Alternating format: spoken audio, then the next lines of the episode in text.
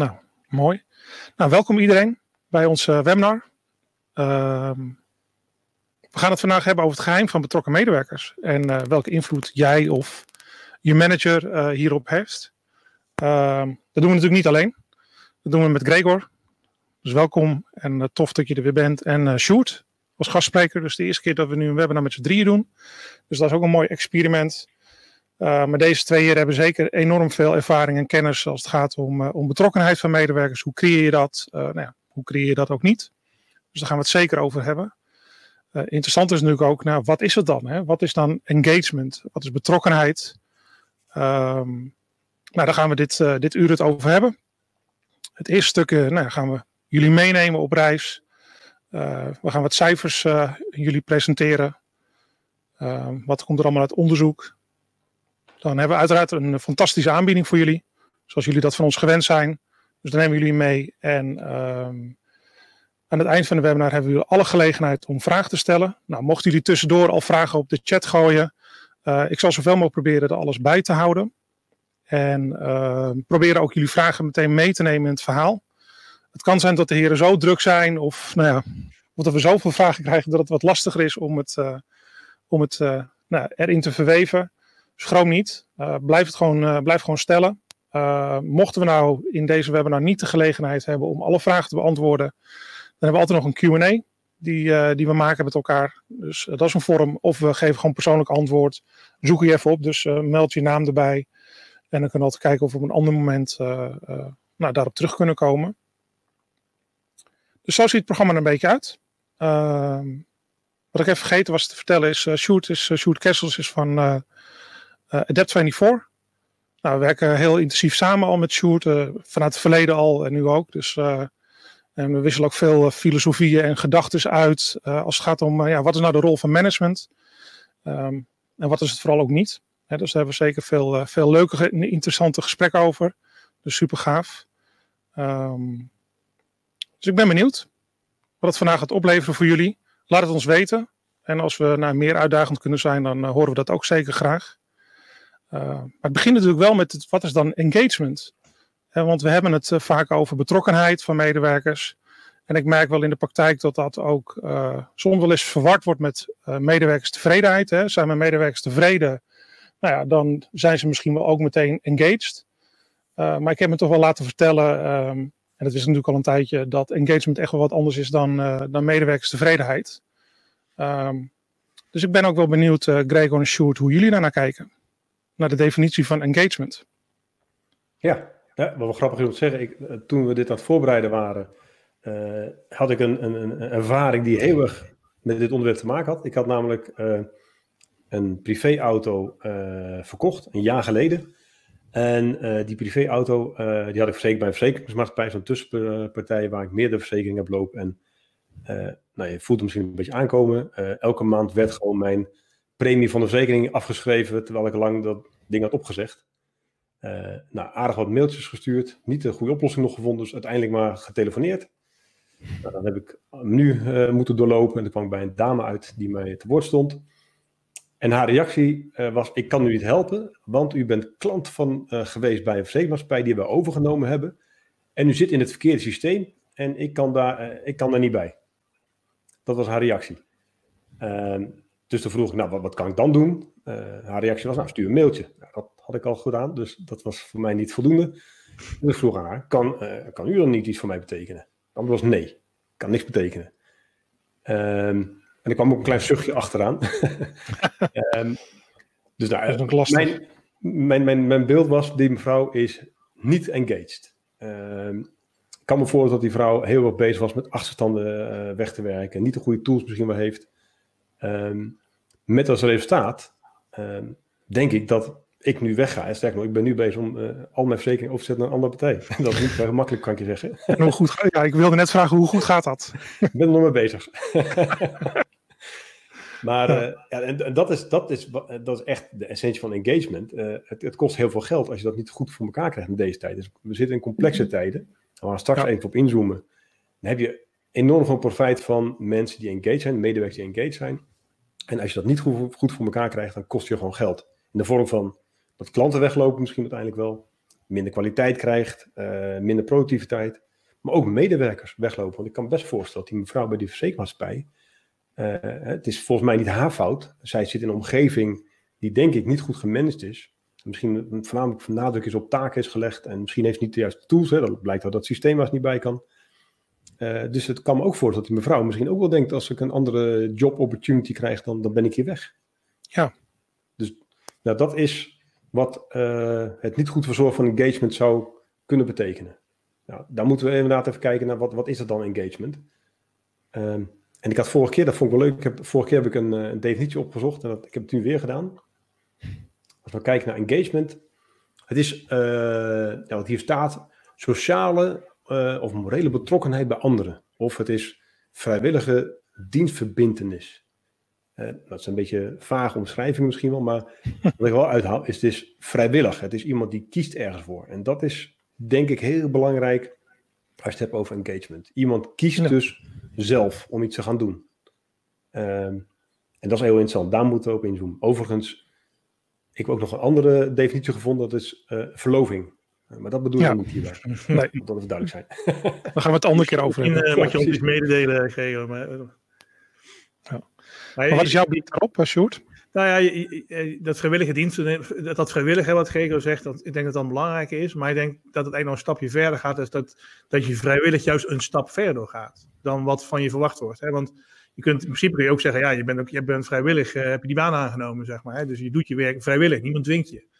Maar het gaat vaak dat je een stap verder gaat dan, ja, normaal misschien van je verwacht zou worden. En dat je dat vrijwillig doet, omdat je je, zeg maar, uh, emotioneel betrokken voelt bij het bedrijf of bij het team waarin je zit. Of de manager hè, die, uh, die jou begeleidt. ik denk dat dat een, een, een stapje extra die definitie lading geeft. Ik zou nog, nog even denken wat jouw verhaaltje, uh, wat je net zei, Gregor, over die verzekeringsmaatschappij. En we gaan het zo nog, volgens mij nog hebben inderdaad over cijfers. Dat zei Gregor, uh, deze net ook.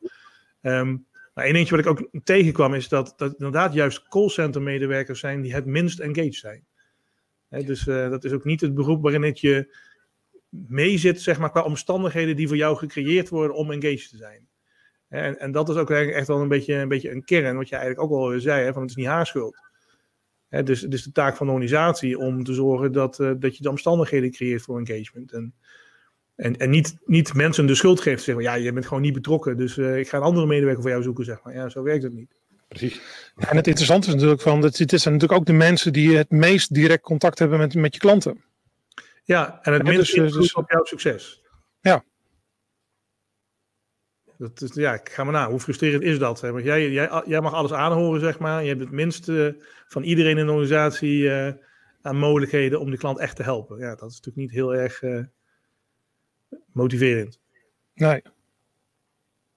Ja, we zien het heel vaak. Hè? Dan is bij een callcenter is het achterstanden wegwerken, uh, heel veel telefoontjes doen, niet de juiste tooling hebben. Ja, dat, dat helpt allemaal niet inderdaad. Ja. Nou, ik denk ook dat, er, dat er, hè, omdat je zo, soms zo ver weg zit ook, als, als vanuit zo'n functie, ja, is de vraag natuurlijk ook welke, hè, dus wie luistert naar je als het gaat om de impact die, die je kan maken. Hè, dus op het moment als zeker als je dat niet kan maken. We zien allemaal in organisaties nog steeds dat, dat er een enorme schakeling is aan processtappen uh, voordat je überhaupt komt bij de persoon die jou kan helpen om het beter te maken. Dus we delegeren dat ook gewoon een keer. al die werkzaamheden die verantwoordelijkheid delegeren we ook nog een keer helemaal ver weg. Dus dat is best wel abstract op het moment als jij als manager aan de knoppen zit. En vervolgens moet je een callcenter medewerker helpen. Ja. Ja, precies. Leuk. Ja, moet, moet ook even inzoomen denk ik op, op engagement. We praten nu over wel engaged en niet engaged. Ja. Uh, als interessant er zijn verschillende modellen die geven wat, wat meer grijstinten zeg maar, tussen zwart en wit aan. Uh, ik heb er eentje erbij gezocht. En nogmaals zijn er meerdere. Zelfs Sjoerd heeft ook een model wat, wat, wat nog wat compacter is misschien wel. Ik ook een keertje naar kijken. Maar er zijn er heel veel. En ze, ze hebben dezelfde basis. En als je gaat kijken, is nou, dit is een beetje de ladder van engagement, de level of engagement. Dus wat zien we onderaan? Daar zien we uh, weerstand. Hè? Dus eigenlijk precies tegenovergestelde van engagement. Uh, iemand is echt actief tegen. Iemand gaat misschien zelfs een bondje sluiten met iemand anders om tegen te werken. Uh, dat is de eerste stap van engagement. Um, voor de deze mensen is wel, zijn wel heel actief. Dus als we positiever gestemd zijn, als je dat voor elkaar kunnen krijgen, dan heb je activiteit heb je al erbij, zeg maar, de, de energie. Ja, ze zijn heel actief, niet engaged. Ja. Precies. ja. ja. En uh, de volgende stap, en dat is misschien wel de moeilijkste, dat is uh, apathie. dus je, je doet helemaal niks. Uh, je zit op je werk en je denkt, het was maar vijf uur. Of, uh, nou, kon ik maar weer weekend gaan vieren. het zit je echt helemaal niks wat in het bedrijf gebeurt. dit is de moeilijkste groep om echt in beweging te krijgen. Nou, dan kom je bij het volgende stapje en dan zit je al bij mensen die gaan echt gaan meewerken, zeg maar. Grudging compliance noemen we dat. En dat is iemand gaat doen wat de baas zegt, omdat als hij het niet doet, dan heeft hij een moeilijk gesprek. Of dan uh, krijgt hij geen salarisverhoging, of wordt misschien ontslagen, of ander reprimander. Ja. Dus dan doet hij het echt omdat hij het niet anders kan dan, dan meewerken. En diegene die daarin zit, die zal ook echt alleen maar het hoognodige doen. Die zal alleen maar doen uh, wat jij vraagt. Dus jij zegt, joh, ga linksaf. En hij denkt, nou dan gaan we refrein in. Ja, dan gaan we gewoon het refrein in. Dat is wat daar gebeurt. en in principe op het moment als je geen, dus, geen instructies geeft, het manager, dan zit je dus in de vorige stap. Zo gezegd. Dat, kan, dat zijn dat soort type mensen, zeg je. Nou, eigenlijk als je, als je dus uh, als manager wel de, de doelen misschien uitlegt, of je geeft instructies, dan kan het nog steeds zijn dat mensen uh, eigenlijk heel weinig uh, bijdragen, zeg maar. Hè, dat kan nog steeds. Dan, dan, noemen we het apathie. Ehm, nou, dan ga je op een gegeven moment als manager dat ziet. Je denkt, nou, dan ga ik die gast onder druk zetten. Nou, joh, luister eens, jouw, uh, uh, jouw contract loopt binnenkort af. Daar hebben we binnenkort gesprek over. En ik zie dat je dit, dit doet. En dan, dan gaat hij misschien naar grudging compliance. dan gaat hij doen wat jij zegt. Alleen ja. ja omdat het negatief gevolg heeft misschien. Ja, vond wat je net zei, Dave, dat soort mensen. Hè? Maar ik denk dat het ook wel belangrijk is om, om om op te merken dat we, we kweken dat soort mensen. Hè? Door, door alleen maar tegen mensen te zeggen wat ze moeten doen en niet uit te leggen waarom. Ja, dan, ehm, en, en je voelt eigenlijk aan je water dat je denkt van nou, wat moet ik je eigenlijk mee? Dan krijg je natuurlijk gewoon mensen die het alleen maar doen omdat het hun gezegd wordt. En het grote nadeel ja. ik bedoel, ze kunnen nog steeds goed werk doen. Alleen er komt natuurlijk weinig initiatief en creativiteit uh, vandaan. Nou, als je dat niet erg vindt, oké. Hè, maar in de, in de meeste omgevingen waar we nu zitten, hebben we toch eigenlijk wel wat, uh, wat ideeën en creativiteit van mensen nodig. En ik denk wat het allerergste is, als je eenmaal daarvoor kiest, kom je er ook nooit meer vanaf. Hè, als je ervoor kiest om uh, een model aan te gaan waarin jij vertelt wat mensen moeten doen, ja, dan doen mensen ook niks meer op het moment dat je ophoudt mensen te vertellen wat ze moeten doen. Nee. En dat is waarom je op zijn minst alweer een stap hoger zou willen komen. Ja, ja exact. En, en een stapje hoger is dan, wat noemen we willing compliance. Ehm, je doet het niet omdat je anders een, je contract niet verlengd wordt, zou ik zeggen, maar je doet het omdat je ziet dat jouw manager, jouw baas, uh, een goed idee hebt, heeft zeg maar, en je wil hem heel graag helpen. Ja. Uh, en dat, dat, dat noemen we ook wel good soldiers, wordt dat genoemd. Het gevaar is, en dat zie ik bij heel veel van onze klanten, dat we daarop mikken. We willen good soldiers hebben. We willen mensen hebben die zeggen, ja, wacht even, als de baas dat wil, dan gaan we rennen. Ja.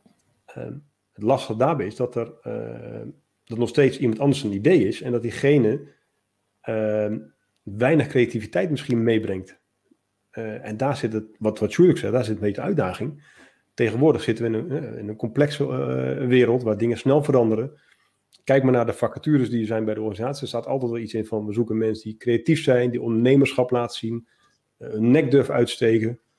Uh, ja, dat zijn niet, de, dat zijn niet die gold soldiers. Die gold soldiers zeggen at your, at your service. Hè, van zeg maar wat ik moet doen. Ik ga rennen. Ja, maar het zijn wel professionals. Hè. Ik denk dat het goed is. Dit, dit, dit zijn wel gewoon goede medewerkers. Het zijn mensen die verstand van zaken hebben. Die goed zijn in hun vakgebied. En ook een soort ja, beroepstrots en eer hebben om hun werk goed te willen uitvoeren. Maar dat betekent niet per se. Misschien meer een connectie met hun vakgebied dan met de organisatie waar ze voor werken. Dat is misschien wel een, een, een kenmerk. Ja, en dit, dit, is ook prima vaak voor running the business. Hè. Als je gewoon dus standaardwerk hebt, uh, waar gewoon vakmanschap bij komt kijken, dan is dat prima. Maar zit je in een, in een complexe omgeving waar creativiteit nodig is, out of the box denken, dan, dan is dit niet voldoende inderdaad. Nee, dat is natuurlijk wat, wat we vandaag de dag steeds meer nodig hebben. We hebben natuurlijk echt nodig dat je en niet alleen maar ja, in een soort status quo blijft, maar dat je echt wel een volgende stap kan maken als organisatie. Ja. En dan wil je juist natuurlijk die kennis die zij hebben, die professionals, die vakmensen, die kennis wil je natuurlijk het liefst gebruiken. In plaats van dat je iemand anders inhuurt die ook misschien heel veel kennis heeft, maar de content van je organisatie niet kent. Um, en die allemaal hele mooie adviezen gaat geven. En vervolgens dan nou, dat je voorbij gaat aan de professionals die je al in je organisatie hebt. Want dat doet ook wat met mensen. Kan ik me zo voorstellen. Exact. En ik ben het helemaal eens met wat Sjoerd zegt. Het ligt dus niet aan die mensen. Het is niet dat die mensen een hokje stoppen en zeggen, daar zit hij aan eenmaal, dan kom je nooit uit. Nee, die mensen zijn in een hokje terechtgekomen uh, door het systeem om, om hen heen, die, die gecreëerd is door de organisatie. Alleen de organisatie mikt, en dat zie ik heel veel, mikt vaak op die bullying compliance. Als ik als, ik als baas uh, uh, iets wil bereiken, dan wil ik mensen die gaan rennen. Ik hoorde laatst hoorde ik iemand die zei, een klant van ons zei, ik, ik zoek krijgers. He, dat, dat bedoel ik mee echt. Dat is bijna een symbool, synoniem voor, goede, voor good soldiers, zeg maar.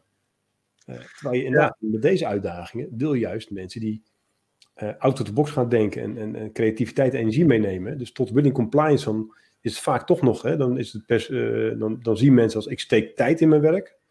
En als je dat niveau van willing compliance ontstijgt, dan, dan, dan komt er energie en creativiteit bij. Dat steken mensen dan in hun, in hun werk, zeg maar.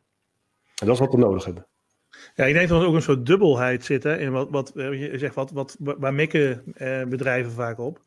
Ik denk ook, hè, wat, wat, wat Dave ook zegt, uh, ze zoeken vaak mensen, of, of zei jij dat, weet ik niet meer. Ze zoeken vaak mensen die, waarvan ze zeggen, die initiatief nemen, die een soort halve ondernemer zijn. Maar het dubbele is, maar ze creëren het, het, de omstandigheden in de organisatie die veel meer past bij de good soldier. Exact. Hè, mensen die verstand van zaken hebben, maar wel zich aan de regels, er wel duidelijk binnen een kader van regels werken, waar een hele hoop procedures zijn. Dat is denk ik het dubbele. Ja.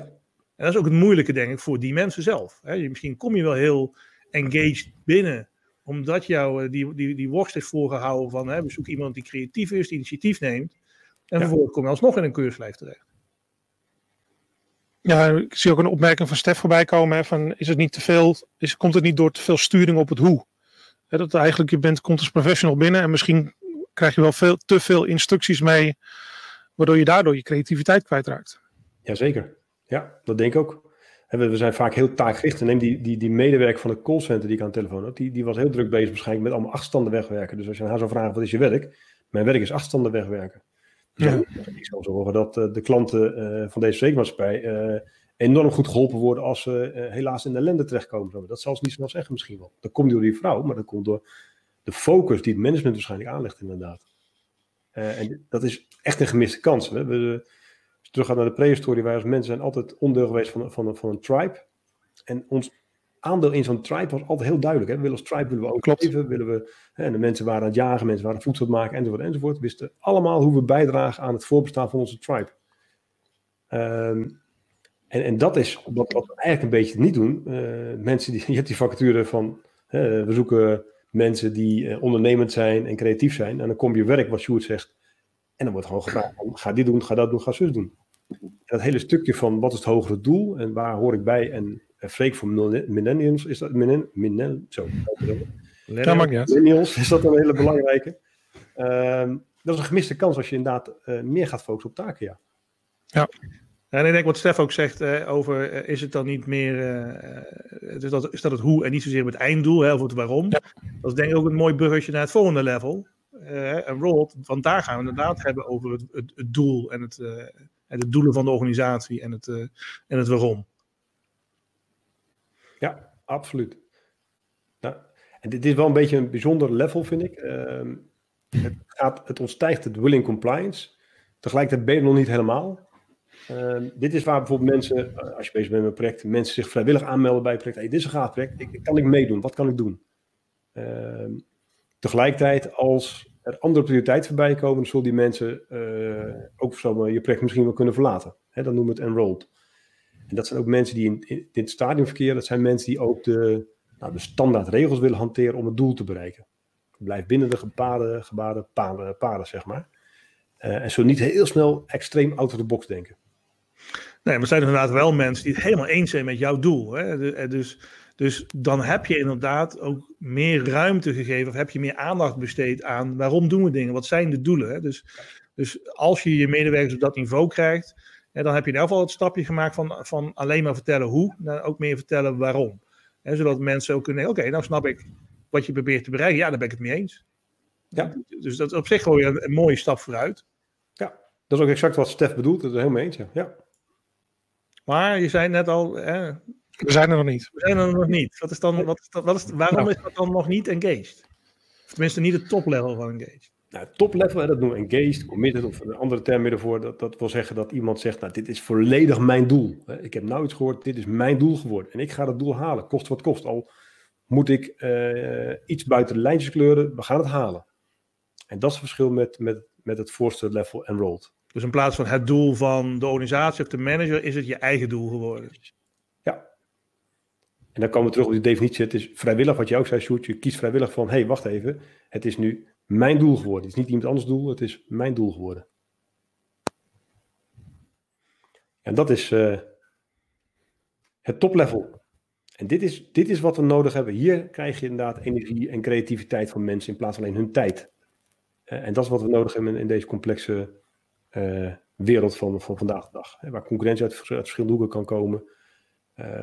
waar je dingen gaat doen die je van tevoren nooit eerder had bedacht dan kan je me beter gokken op engaged dan op willing compliance. Ja, hier zit ook wel een mooie valkuil in. Uh, ik niet of je die herkent. Is dat als mensen het dan echt hun eigen doel maken, dan kun je ook verwachten dat mensen kritischer gaan worden. En, uh, hè, want dan, dan hebben ze ook skin in the game, weet je. Dan hebben ze dan belang bij. Het is mijn doel geworden. Dus hey, hallo, als ik het niet mee eens ben, dan ga ik het ook wel even zeggen. En dus moet je ook heel erg uitkijken als organisatie dat je niet kritischheid, zeg maar, gaat verwarren voor niet engaged zijn. Want die mensen zijn juist wel engaged. Precies. Ja, heel goed. Ja.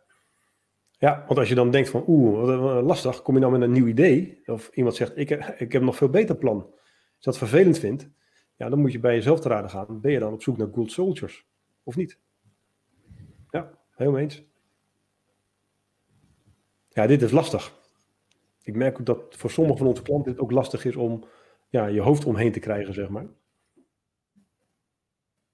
Waarom is het lastig? Kun je naar, uh, ja, dan, dan raken we eigenlijk de, de, overtuigingen van, van, van ons als managers, zeg maar. Uh, de, de focus op willing, uh, willing compliance, good soldiers. Daar gaan we de wedstrijd mee winnen. Die is zo groot. En ook wat Sjoerd zegt, eh, als je dan mikt op engage en je krijgt dan ook nog mensen met eigen ideeën, dan uh, strookt dat niet helemaal met hoe we misschien zijn opgeleid of de ervaringen die we in het verleden hebben opgedaan. Hè? En misschien dat we in het verleden hebben gemerkt dat we de wedstrijd wel konden winnen met good soldiers. En ja, ja. nu iets anders moeten doen. Dan heb je het echt over mental models. Gaaf. Ja. ja. Daar moeten we wel iets mee, want anders. Uh, ja, klopt. gewoon te veel. Ja. Maar voordat we daar naartoe gaan, dus ben ik wel nieuwsgierig van, uh, van, van, van, het publiek om te. Om, hè, jullie hebben nu, nu uitgelegd wat de levels van engagement zijn. Je ziet het enrolled en engaged, dat zit een beetje, uh, nou ja, in ieder geval aan de, echt aan de top level.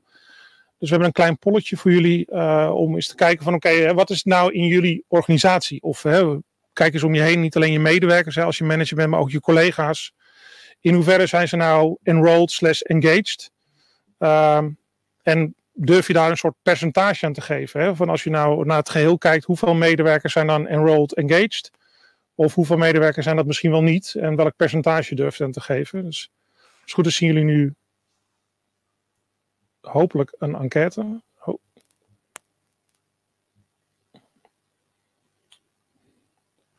ik ben wel eens benieuwd naar jullie uh,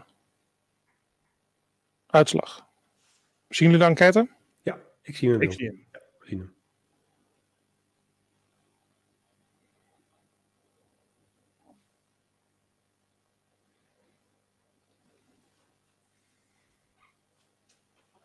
Ik heb hem ook wel ingevuld, of heb ik nu de, heb ik nu de, de resultaten gekleurd? Zeker. Ja. Nou, des te meer mensen invullen, des te minder zwaar het weegt. Dus dat scheelt. Dat is waar. Dus nou, kom mensen.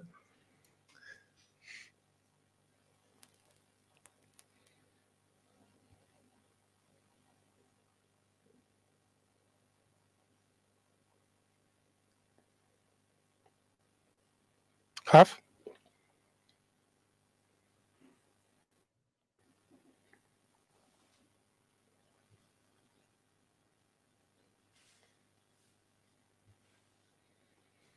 Ja, we zijn benieuwd als we zo cijfers zien, uh, of dat ook een beetje overeenkomt met onze eigen beelden die wij terugvinden, zeg maar. Ja, dat klopt, ja.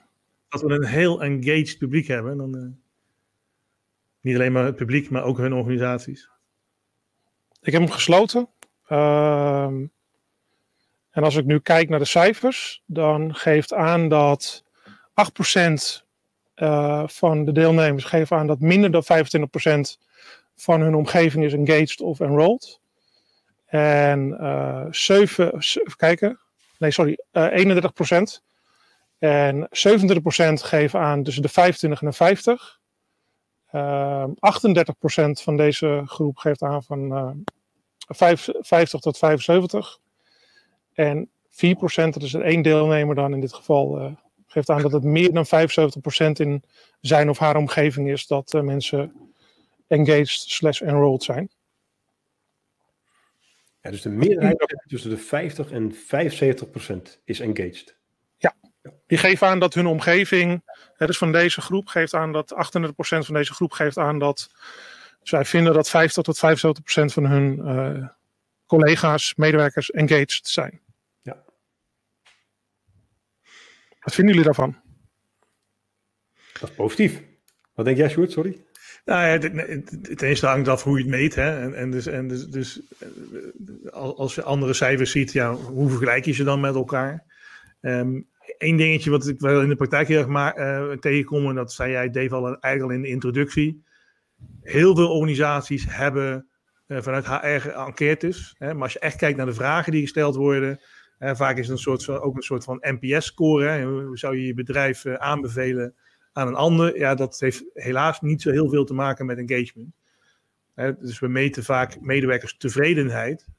Uh, en uh, ja, tevredenheid heeft natuurlijk echt wel iets te maken met engagement, maar is niet de definitie van engagement. Hè. Dus de, de good soldiers kunnen hartstikke tevreden zijn, maar zijn niet engaged.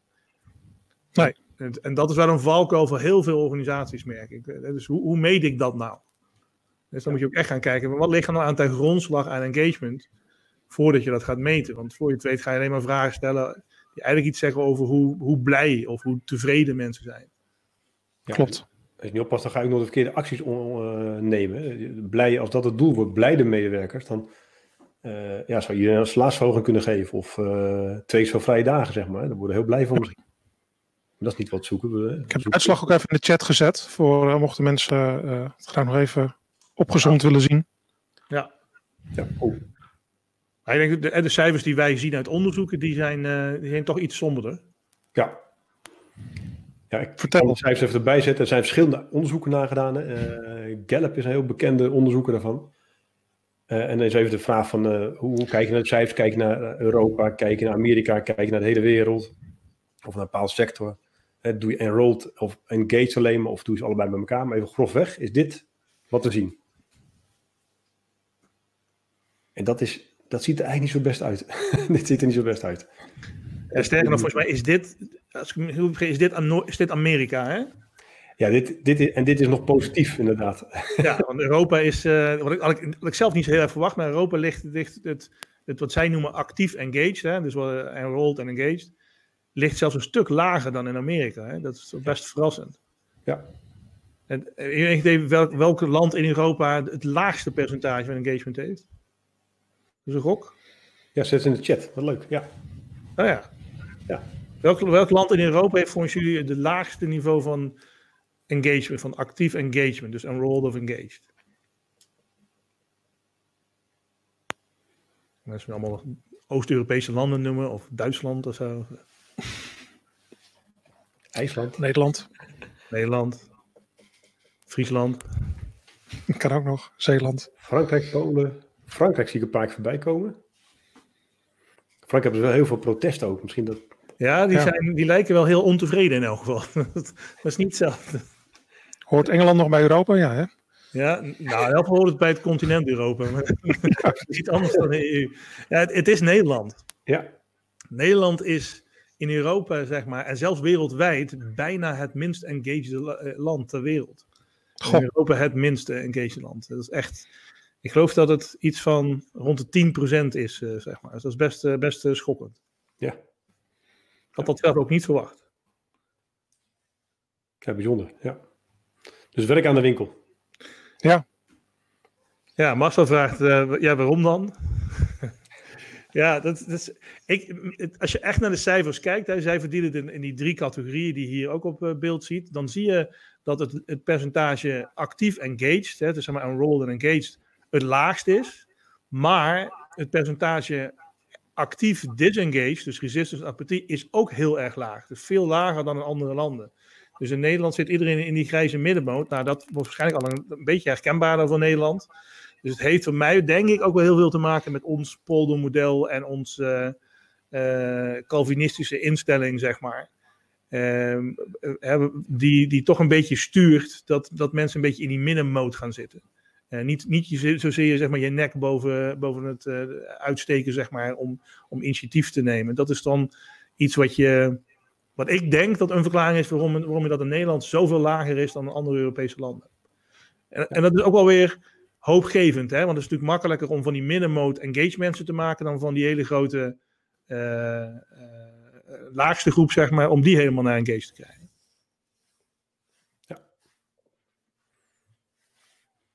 Ja, dan uh, is inderdaad de volgende stap. Uh, wat zou je nou kunnen doen als je, als je het beter wil maken? Dus als je die middenmoot wil meekrijgen, hoe doe je dat dan? Nou, dat zijn heel veel dingen die je zou kunnen doen. Uh, maar er is één ding wat, wat wel heel belangrijk is. en daar wil ik toch even bij stilstaan. En dat is een, een, een goed hoger doel definiëren waar die mensen, waar ik net zei, aan mee kunnen werken. Die tribe, dat gevoel van waar doen we het voor, dat heel goed kan neerzetten, dan helpt dat om die engagement te verhogen. En dan kunnen mensen kiezen van, oké, maar dat is een gaaf doel, daar wil ik onderdeel van zijn. Um, en dat goede doel, hè, dat, noemen we, uh, dat hogerliggende doel, dat noemen we een purpose. Een purpose is een beetje lastig te vertalen vanuit het Engels, maar het is superkrachtig als je dit goed neerzet. En uh, een voorbeeld is, er is een, uh, een studie gedaan in Amerika bij een universiteit. En dat was op de universiteit dat je een clubje mensen die waren bezig met fundraising. Die haalden dan gelden op voor het goede doel. Um, en dat goede doel was uh, mensen op die, op die universiteit kunnen laten studeren die er eigenlijk geen geld voor hebben. En het callcenter werd bemand door studenten. Dus als student van de universiteit kon je een bijbaantje nemen uh, bij dat goede doel, bij die stichting. En dan moest je mensen gaan bellen om te vragen, joh, heb je nog geld over? We een goed doel.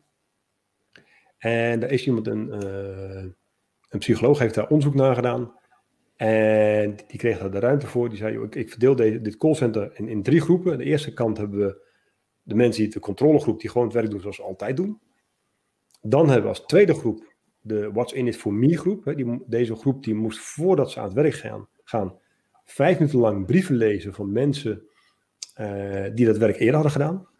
En, en die brief stond dan bijvoorbeeld, nou, ik heb eh, een half jaar gewerkt bij het callcenter en dat heeft me enorm veel geholpen bij mijn volgende baan toen ik was afgestudeerd. Die ervaring heeft me dit dit gebracht. Dus de What's in it for me groep. En de derde groep, dat was wat hij noemde de purpose groep, zeg maar. En die mensen moesten ook vijf minuten lang voor ze aan het werk gaan uh, brieven lezen. En de brieven waren van mensen die aan de ontvangende kant van de subsidie zaten. Het waren brieven als, hè, we hadden thuis hadden geen geld voor zo'n dure studie. Uh, dankzij deze stichting heb ik de studie wel kunnen doen en ik ben nu vice-president daar en daar. Nou, dan de onderzoeken, nou, je, je raadt het misschien al, uh, de controlegroep die deed exact zoals ze verwacht hadden. Namelijk wat, wat ze altijd deden qua hoeveelheid geld wat ze ophaalden in de week. Ehm, de What's in it for me groep deed wel iets beter. Die mensen waren dus blijkbaar toch een klein beetje gemotiveerd om het werk te gaan doen. Uh, maar dat was niet heel erg significant, die verbetering. Uh, maar de purpose groep haalde twee keer zoveel geld op uh, dan voorheen.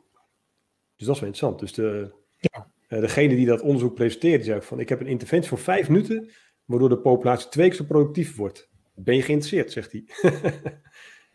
dus dat is, dat is blijkbaar al de kracht van pubs, wat een goede pub zou kunnen doen, zeg maar. Ja. En dat sluit ook een beetje aan op de, de, de vraag en opmerking van, uh, van Alexander. Uh, die, die zegt van, ja, maar wat nou als, uh, als medewerkers wel betrokken lijken, maar hun doelen zijn niet dezelfde doelen als die van de manager of de organisatie. En ik, ik, ik ben er trouwens van overtuigd dat mensen per definitie gemotiveerd zijn. Alleen misschien niet in onze organisatie, maar dan zijn ze wel gemotiveerd in iets anders. Hè? Een hobby of het aanmoedigen van hun zoontje op zondagmiddag op het voetbalveld. Ik weet niet of dat nu nog kan, maar anders. Uh, ja, dat kan. Ja, dat kan nog. Nou, Tot 12. Heeft u dat? Hartstikke gemotiveerd. Alleen als je maandagochtend de drempel van het kantoor overstapt, ben je misschien niet gemotiveerd. Hè? Maar engagement, waar wij het over hebben, employee engagement, ja, dan gaat het natuurlijk dan gaat het om betrokkenheid bij de doelen van de organisatie. En dat staat of valt met die krachtige purpose. Als je niet ontzettend duidelijk bent over waar wij als organisatie voor staan.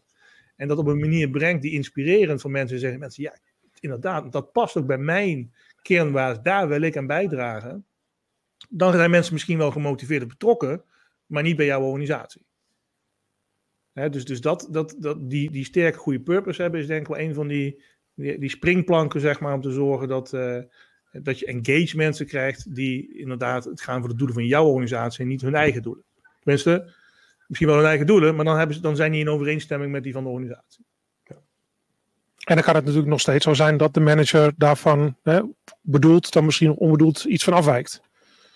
En dat zien we natuurlijk in de praktijk wel terug. Dat ondanks dat de organisatie echt wel een hele duidelijke purpose heeft, hè, en die hebben we dan allemaal uitgedragen en hebben posters van opgehangen, dan zie ik nog steeds wel dat dan, als je als manager bijvoorbeeld, hè, om het maar even zo te framen, andere doelen hebt meegekregen vanuit de organisatie die misschien wel nou ja, niet faciliterend zijn of misschien wel tegenstrijdig zijn aan de purpose, ja, dan zit je wel in een lastig pakket. want als we zeggen van oké, we, willen het beste voor de klant en vervolgens uh, moet ik 20% eh, van mijn medewerkers ontslaan omdat we naar de aandeelhouders weer het juiste getal moeten presenteren. En ik wil juist net even die verbeter, kwaliteitsverbetering doorvoeren. Dan kan ik me best voorstellen dat dat een, nou, op zijn minst wel een, een discussie creëert, dan wel een conflictje misschien wel. Ja, en ik denk dat dat weer een mooi voorbeeld is van gaan we met een purpose aan de slag omdat we het ergens in een boek gelezen hebben of op een cursus gehad? Vooral dat, hè? of snappen we nou echt wat de kracht en de waarde daarvan is? Want ik denk, op het moment dat je met purpose en ook kernwaardes, hè, dat, dat zit daar heel erg in de buurt. Op het moment dat je daarmee aan de slag gaat, dan betekent dat nogal wat voor je organisatie. Dan kun je ook niet meer zeggen, we gaan uh, beslissingen nemen, zeg maar, die compromitteren aan onze purpose en onze kernwaarden. Dan moet je, als je het gaat over beoordeling van mensen, moet je mensen ook beoordelen op hoe ze bijdragen aan de purpose en of ze zich aan kernwaarden, de waarde van de kernwaarden van de organisatie houden. En niet alleen maar op uh, zeg maar of ze 10% uh, omzetstijging weten te bewerkstelligen, zeg maar. En misschien, wel, misschien wel in tegenspraak met, uh, met de kernwaarden. Ja, nou ja, Marcel vraagt ook inderdaad, zie ik nu, hè, van, heb je dus ook dan die kernwaarden nodig? Ja, het antwoord is ja. Misschien moet ik daar de volgende keer even op, inzoomen. Maar alleen met Purpose je niet. Het is wel de eerste stap die je zet. Maar je moet nog meer doen. Er is nog meer werk aan de winkel. Waaronder die, die, die kernwaarden inderdaad. Ja. we zeggen heel vaak, eh, die, die purpose, dat is de, dat is, de North Star. Hè? Dat is de, de lange termijn. Dat is jouw, gids. Van waar gaan we naartoe met z'n allen. En, en de kernwaarden, dat is de korte termijn checklist. Hè? Als, ik als, als medewerker beslissing wil nemen, eh, kan ik het als een checklist gebruiken. Voldoet dit aan de, aan de waarden van de organisatie? Dan zou ik in principe die beslissing moeten kunnen nemen. Precies, ja. Ze hebben ze inderdaad allebei, allebei nodig. Ja. En Nicole zegt ook iets moois. Eigenlijk zou die moeten worden doorvertaald. Het is inderdaad uh, geen poster wat je zegt, Dave, aan de muur hangen en zijn klaar. Mooi, dan nee, hij moet doorleefd worden. Want je kan je voorstellen als je een poster ophangt. Uh, en er zat, uh, we gaan straks even kijken waar zo'n zo'n purpose aan moet voldoen. Maar het moet geen boekwerk zijn. Uh, dat toch ook al is die vrij kort en bondig, kan het zo zijn dat iedereen, nou daar moet je vanuit gaan, dat iedereen hem verkeerd, of verkeerd, anders interpreteert dan jij misschien wel. Dus je moet daar het gesprek over aangaan.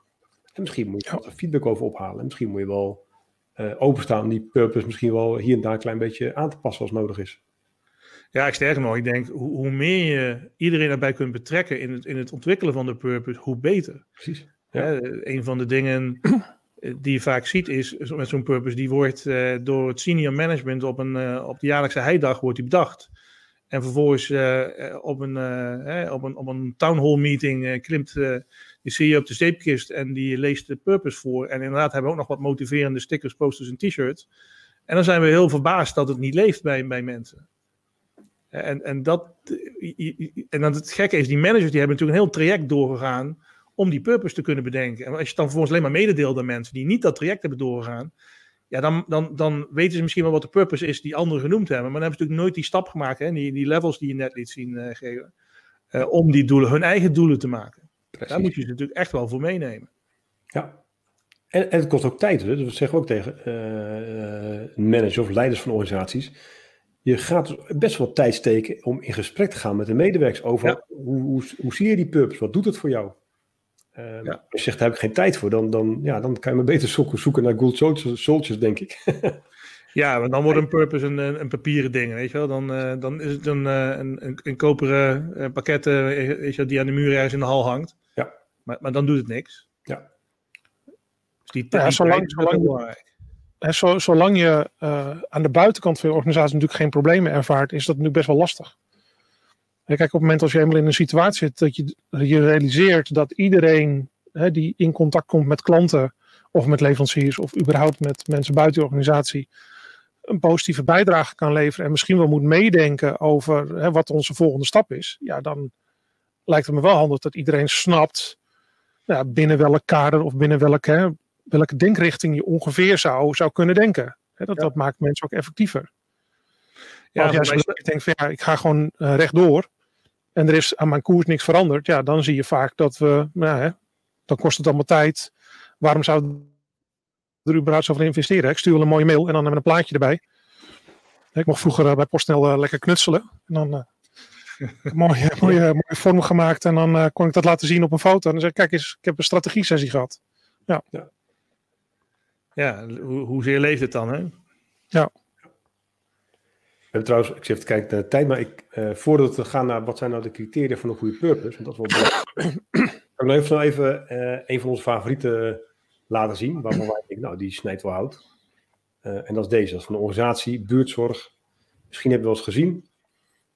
Uh, ja, dit, dit, is natuurlijk een, een hele krachtige purpose. Hier zeggen echt mensen misschien wel van, ja, hier kom ik soms mijn bed voor uit. Ik vind hem krachtig. Ja, ik vind hem heel mooi. En het mooie is, als je buurtzorg een beetje kent als organisatie, dan zie je ook hoe de structuur van de organisatie en de cultuur van de organisatie, hoe ze dingen hebben georganiseerd, dat dat gewoon terug te vinden is in, die, in, de, in de purpose, zeg maar. Dus, en dat is natuurlijk wat je wil, hè? Dat, dat, je, je kunt natuurlijk niet hebben dat de, hoe de organisatie eruit ziet van binnen, totaal geen relatie heeft met die purpose. Je, je moet, dat kunnen, je moet dat kunnen terugvinden, terug kunnen zien in de organisatie, zeg maar. Ja. Dat zie je heel duidelijk. Hè? Als, je, als je zegt van een zelfstandig en zinvol leven, nou dat is nogal wat. Dat gaat verder dan pleisters plakken. Ja. Eh, dus da, dan moet je echt op zoek als medewerker. En hoe ga ik mensen daarbij helpen? Ja, dat gaat niet lukken vanuit een soort centrale uh, afdeling die jouw werk gaat plannen, zeg maar. Dan moet je mensen dus ook vrijheid geven om op zoek te gaan naar, en wat zij dan bijvoorbeeld doen, is buren en uh, familie inschakelen. Om te zorgen dat mensen zeg maar een, een, een, een zelfstandiger leven kunnen hebben. Ja, als je dat, en, en dan zie je, vind ik heel mooi hoe dat purpose dan vertaald is in hoe geven we dan vervolgens onze organisatie voor. Ja, gaaf. Ja, je noemt al een heel klein beetje van mensen gaan dus out of the box denken om dit voor elkaar te krijgen. Ja. ja. ja. ja. dat brengt ons een beetje bij de criteria van hè, waarom is dit nou een goede purpose? Welke criteria moet het aan voldoen? We hebben een heel mooi lijst voor, die we met jullie delen. En deze lijst uh, is bedacht door uh, collega Sjoerd. Jo. En, uh, en dit is wat wij gebruiken ook in onze trainingen en dit is wat we bij onze klanten vertellen als we met purpose aan de slag gaan. Sjoerd, de, de buurtzorg, die, die, die, die tikt al deze boxes, zeg maar. Ja, ik, ik denk van wel. Ik ben ook benieuwd hoe, hoe anderen daar tegenaan kijken. Vond ik wel grappig. Eh, Gregor zei, eh, of Dave zei gisteren tegen mij. Ja, eigenlijk is dit een heel erg uh, logisch uh, uh, lijstje. Ja, en dat is het ook. Ja. Maar het is toch heel erg moeilijk om, een, om voor elkaar te krijgen. Want we, we doen het heel vaak in, in workshops en in consultancy. dat we een oefening doen met mensen van kijk eens naar je eigen purpose en hou het hier tegenaan ja, dat kom je niet heel vaak tegen dat het alle boxen stikt zoals wat we bij, uh, bij, bij buurtzorg zien. En die eerste, inspirerend, ja, dat, dat hangt dan samen wat we net zeiden. Van, wil je dat mensen hun eigen doelen verenigen met die van de organisatie, moet wel een inspirerend doel zijn. Klopt. Dat moet, en, en, en, heel, en heel duidelijk zijn. En, en naar buiten gericht is het andere. Hè? Dus uh, veel, veel purposes zijn naar binnen gericht. Wij willen de beste in ja, noem maar in wat je, wat je gebied is uh, waar, je, waar je in zit. We willen de beste paperclipfabriek worden. Ja. Nou, ik weet niet of het heel inspirerend is, maar het is ook, het is ook naar binnen gericht. Precies. Ja, wat moet ik dan, dan? Dat helpt niet echt om je klanten, zeg maar, uh, beter te helpen. Ja, dus vandaar dat we dat ook heel belangrijk vinden. En er moet ruimte geven aan nieuwe oplossingen. Hè? Dus uh, ook zeggen, zo'n purpose moet je eigenlijk nooit helemaal halen. Hè? Die schuift eigenlijk steeds een beetje, beetje met je mee. Hè? Want uh, ik noem wel eens het voorbeeld van, uh, stel wij, wij maken alarmsystemen voor, voor, voor particulieren. Nou, als je je purpose definieert als wij willen de beste alarmsystemen maken, ja, oké, maar hoeveel nieuwe opportunities vinden we dan, zeg maar? Terwijl als je een beetje verder denkt van, ja, maar wat willen jouw klanten nou? Ja, waarschijnlijk veiligheid of nou een gevoel van veiligheid. Hé, hey, maar als dat onze purpose is, dan kan ik nog wel een aantal nieuwe businessmodellen en diensten bedenken om ze te helpen. En dat is precies wat we met zo'n purpose voor elkaar willen krijgen. Want dan nodigen we mensen uit om out of the box en creatief te gaan nadenken hoe we die purpose kunnen gaan halen.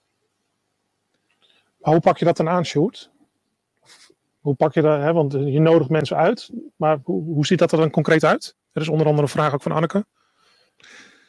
Nou, ik, ik, denk dat het al begint hè, bij, bij hoe ga je überhaupt die purpose uh, samenstellen. Hè? Dus uh, hoe meer je dat in de vorm van co-creating kunt doen, hoe meer je mensen ook de kans geeft om het te, do te doorleven, zeg maar. En eigenlijk, misschien zou je zelfs wel helemaal niet bij de purpose van de organisatie moeten beginnen, maar misschien moet je gewoon wel beginnen met iedereen's persoonlijke doel. Dan weten mensen hun eigen persoonlijke doelen wel in het leven. Als we daar mensen bij kunnen helpen, dan helpen we mensen daarna ook om te kunnen zeggen: oké, maar ben ik, dan op, ben ik dan op de goede plek hier in deze organisatie? En dat is natuurlijk gewoon een heel, heel eerlijke vraag. Als dat niet zo is, nou prima.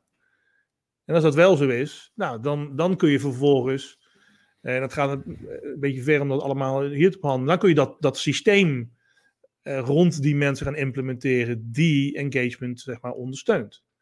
Hè, zorgen dat die purpose helder is, zorgen dat mensen weten hoe hun werk bijdraagt aan die purpose, maar ook aan hoe, je, hoe je, je jouw werk bijdraagt aan uh, je collega's. Mensen meer autonomie ja. geven, dat soort dingen. Ja, wat een praktisch dingetjes, ik vind het mooi, wat we gezien hebben bij een grote uh, overheidsorganisatie, een klant van ons. Uh, had de raad van bestuur een purpose opgeschreven. Maar die zijn, daarna zijn ze, uh, en dat was een vrij grote organisatie, want Alex vraagt hoe bedoel je dat met een organisatie van meer dan duizend man. Dit was een organisatie van meer dan duizend man, maar die, de raad van bestuur heeft eigenlijk allemaal de purpose die ze versie 0.1 onder de arm genomen. Die zijn allemaal afdeling gaan bezoeken. En zijn in gesprek gegaan met de mensen van oké, wat, wat zou je beter aan kunnen? Hoe resoneert dat? En er zijn dus kleine wijzigingen aangebracht constant. En zelfs een dus... wiki-pagina toch? Wat zeg je? Ze hadden zelfs een wiki-pagina gemaakt waar je Precies. gewoon comments op kon maken. Juist. En dat, dat resulteerde in een, in, in, de, in, in een versie 0.1 en een versie 1.0.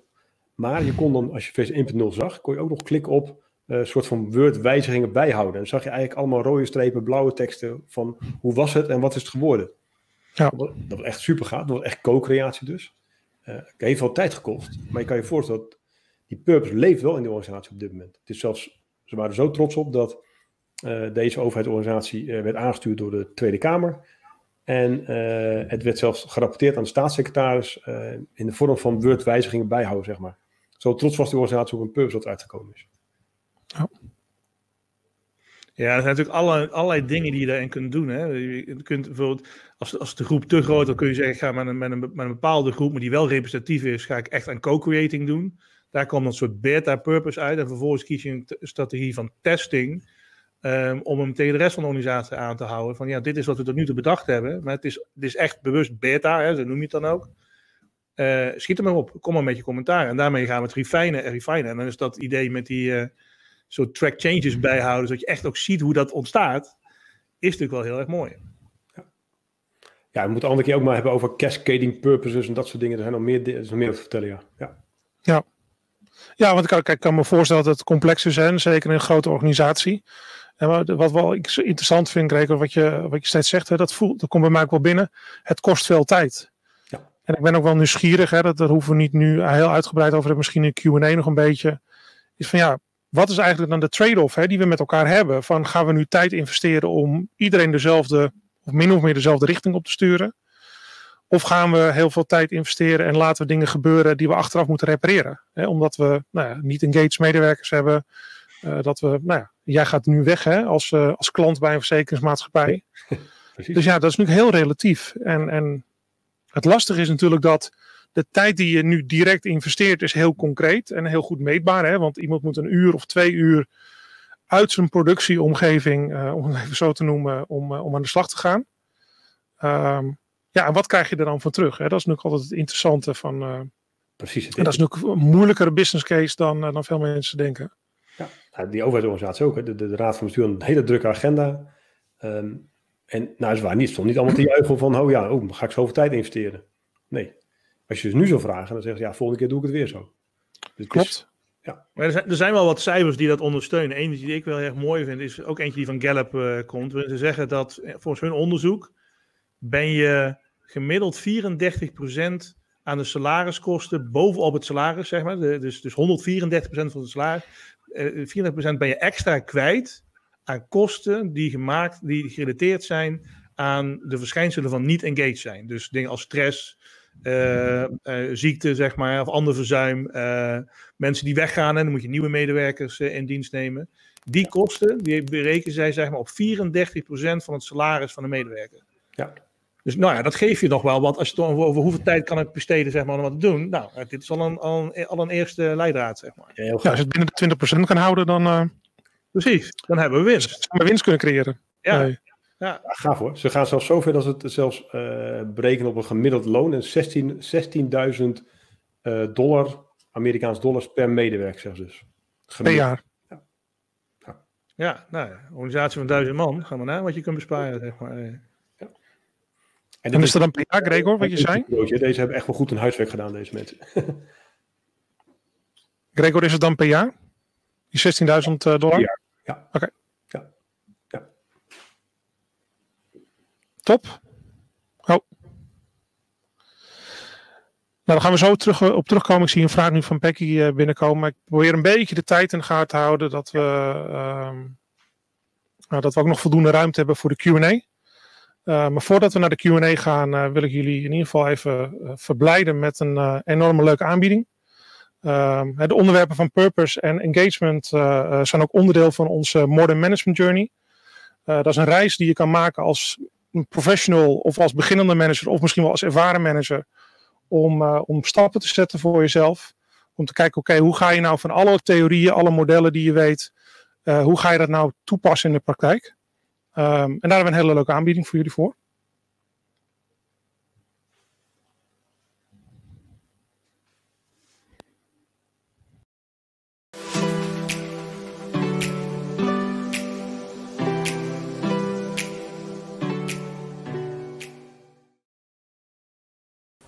Hey hallo, Dave en Claudia hier. We hebben fantastisch nieuws. En dat is dat 1 januari ons Modern Management Journey live gaat. En Dave vertelt je graag wat dit inhoudt. In 24 weken nemen we je mee op het gebied van leiderschap, structuur en veranderkracht. En dat doen we door middel van live trainingen, groepsessies, masterclasses, workshops en persoonlijke begeleiding. Maar nog veel meer. Je krijgt ook één jaar gratis lidmaatschap voor onze Academy. Dit alles voor een mooie prijs voor 2021 euro. Mocht je je willen aanmelden, klik op onderstaande link en dan zien we je bij onze journey. Tot ziens. Doeg!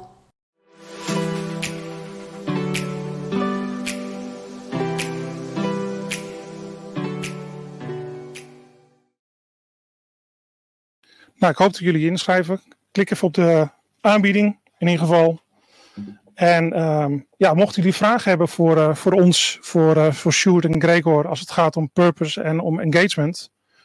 Um, nou ja, bij deze. Zet het even in de chat. Um, en wellicht kunnen we al met de vraag van, uh, van Peggy beginnen. Kunnen jullie voorbeelden geven wat organisaties getriggerd heeft om aan een purpose te werken? Dus investeren. Ja, goede vraag. Uh, als ik dan kijk naar die overheidsorganisatie, um, en dat, dat, is een beetje exemplaar van alles, dat, dat is vaak heeft te maken, als ik even terugkijk, naar grote veranderingen die plaats gaan vinden in een organisatie. En dat ze dan het gevoel hebben van, nu moeten we het goed neerzetten. Um, en dan komt er blijkbaar ruimte om dit even goed te bekijken en dan uh, uh, ook naar de purpose te kijken, naar de waarden en dat soort zaken. Hoe, hoe zie jij dat, Sjoerd? Ja, precies wat jij zegt. En denk ik ook, um, en dat heeft ook weer met mental models te maken, wat je net zei. Hè, dat, het, het, het besef dat medewerkers echt de belangrijkste stakeholder van je organisatie zijn. Eh, niet je aandeelhouders en zelfs niet je klanten. Hè, dat, en dat is denk ik het grote verschil met organisaties die denken dat ze nog een redelijk stabiel vaarwater zitten. En organisaties die denken van nou, wat jij zegt, er gaan een hoop veranderen. Poei, hoe, hoe, hoe gaan we dat overleven? En die ook zien, zeg maar, dat een businessmodel niet meer zo bestendig is als dat vroeger was. Hè? Dus dat je eigenlijk continu naar nieuwe opportunities op zoek moet. En dan beseffen dat dat, ja, dat dat eigenlijk alleen maar voor elkaar te krijgen is als je die creativiteit van mensen gaat, uh, gaat uh, ont ontlokken, zeg maar. Want die bedrijven gaan dan nadenken van oké, als ik nieuwe opportunities steeds moet bedenken, omdat anders mijn concurrent me inhaalt, maar hoe zorg ik er dan wel voor dat er een rode draad blijft? Ja, dat zou je purpose dan moeten zijn. Hè, dat, is, dat is de rode draad die, die, die blijft gelden, ondanks zeg maar, dat we nieuwe kansen zien. Ja. als ik een uh, vliegtuigmaatschappij ben en ik definieer mijn purpose in de zin van uh, iets, met, iets met vliegen, dan kom ik nooit verder dan dat. Maar als ik het in, in termen van mobiliteit eh, zet bijvoorbeeld, dan verzin ik misschien wel weer andere kansen om mensen van A naar B te krijgen. Hè, dus dus die, ik denk dat die zoektocht een, een, een belangrijke drijfveer is. Mooi. Welke rol speelt de manager hier eigenlijk in? We hebben het natuurlijk deels wel over gehad. Ehm, echt in het neerzetten van een purpose. Wat is de rol en vooral het gedrag wat je daarin terugziet? En de manager in, in de zin van, ja, het makkelijke antwoord is natuurlijk uh, alles bepalend. Ehm, maar je zegt erbij, Dave, het gedrag ook van die manager. En dat, dat is wel interessant, daar dat te noemen. Um, Sjoerd en ik had laatst ook een training over uh, wat gebeurt er nu als je als manager een bepaalde boodschap uitstuurt, hè, bij spreekpapier, in een mail of op een poster aan de, in, in, de gang, en je gedrag laat iets anders zien. Uh, welke boodschap is dan krachtiger? Ja, je raadt al, dat is je gedrag. Hè? Dus wat je doet is krachtiger dan wat je zegt. Um, dus als je dat doet als manager, uh, ander gedrag laat zien dan, dan de boodschap die je uitzendt, um, nou, dan heb je misschien wel meer kapot gemaakt dan, dan, dan gerepareerd, denk ik. Ja, ik denk het ook. En, en ik denk, eh, ja, die rol verandert misschien van. Je was misschien gewend om een, om een bijdrage als manager te leveren in het bepalen van die purpose. Maar nu wordt je rol het, het creëren van omstandigheden waarin andere mensen kunnen bijdragen aan die purpose. dus, dus, dus, een veilige omgeving creëren waarin mensen met ideeën kunnen komen. Eh, goed gesprek met mensen zeg maar, over ja, maar wat, wat zijn dan jouw doelen en, en, en herken je dat in onze organisatie? dus ik denk dat, dat het echt wel voor veel mensen best een fundamentele verandering gaat zijn. In plaats van dat zij dan als, als manager uh, op die heidag uh, mogen knutselen, zoals Dave. Uh, moeten ze anderen faciliteren om te knutselen, bij wijze van spreken, maar dan iets anders. Ja.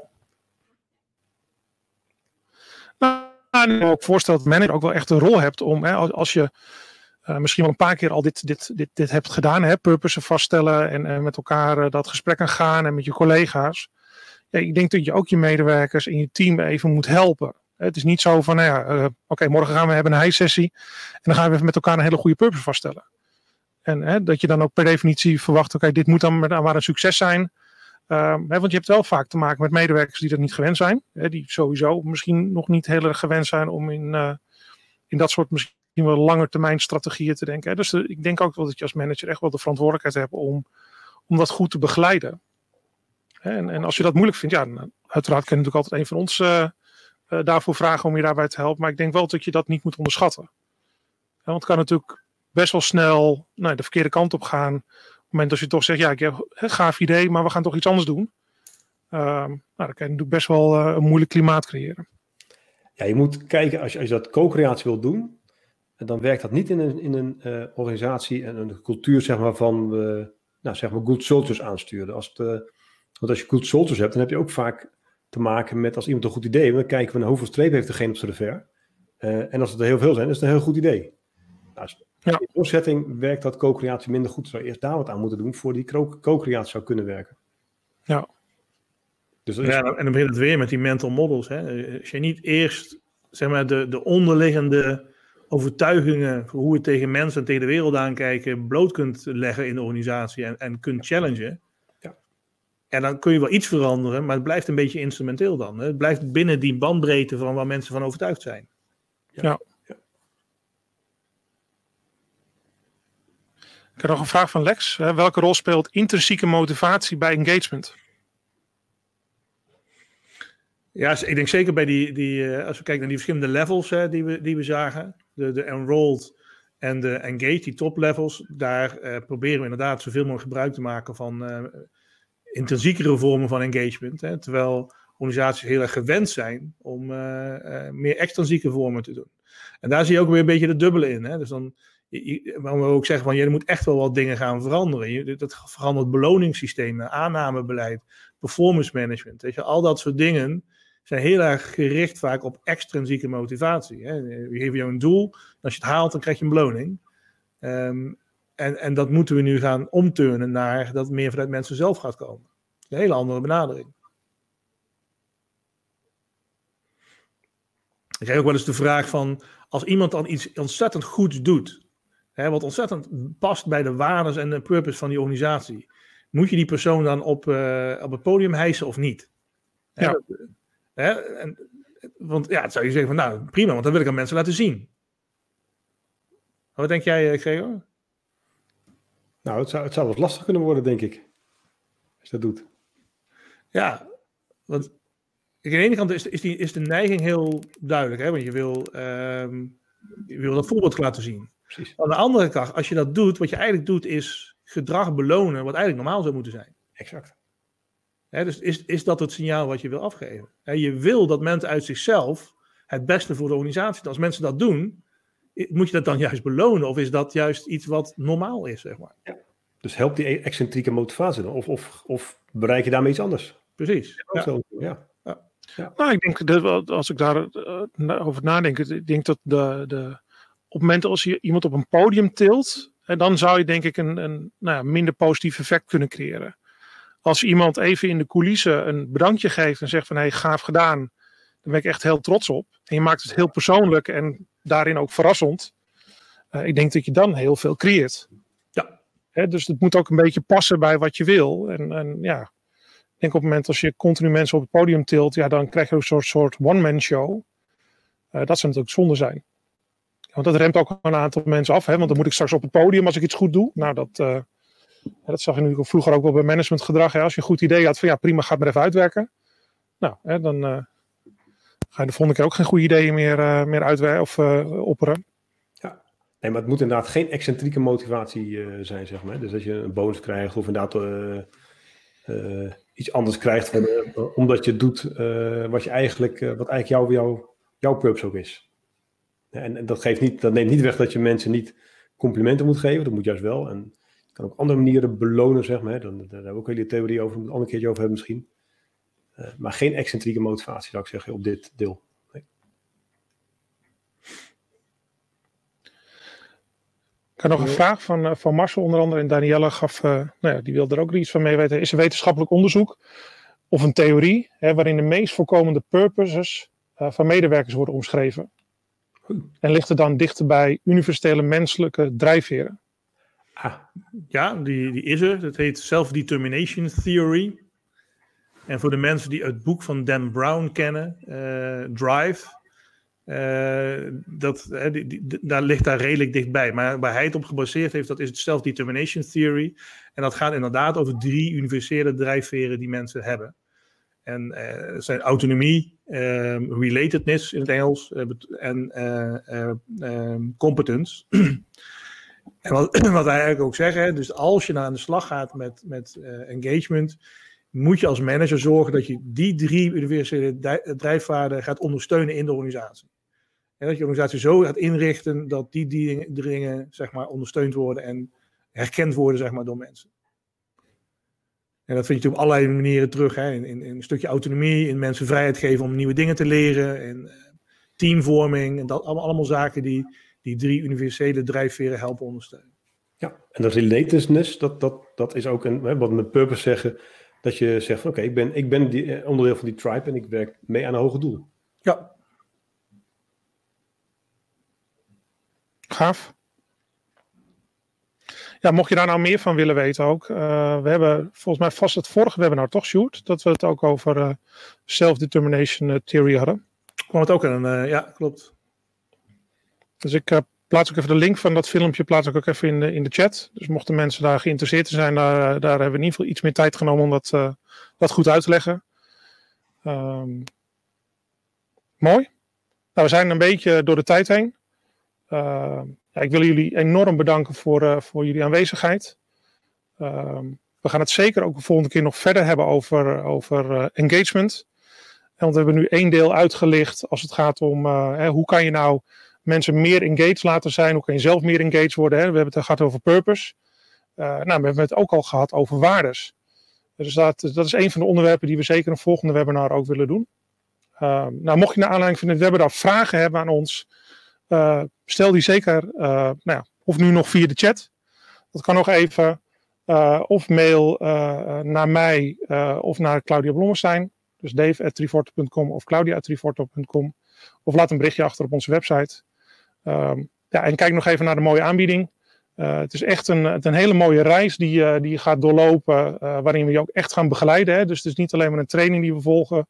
En dan vervolgens laten we je, nou ja, wensen we heel veel succes. Dan neem je ook aan de hand mee. Je gaat sparren in de community. Dus, dus laat het niet lopen. Een mooie start denk ik voor het nieuwe jaar, voor iedereen. Dus, en tot de volgende keer.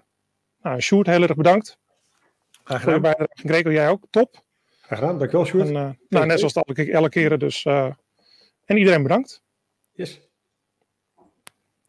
Wat veel leuk. Leuk om te doen. Ja. Fijne dag allemaal. Yes.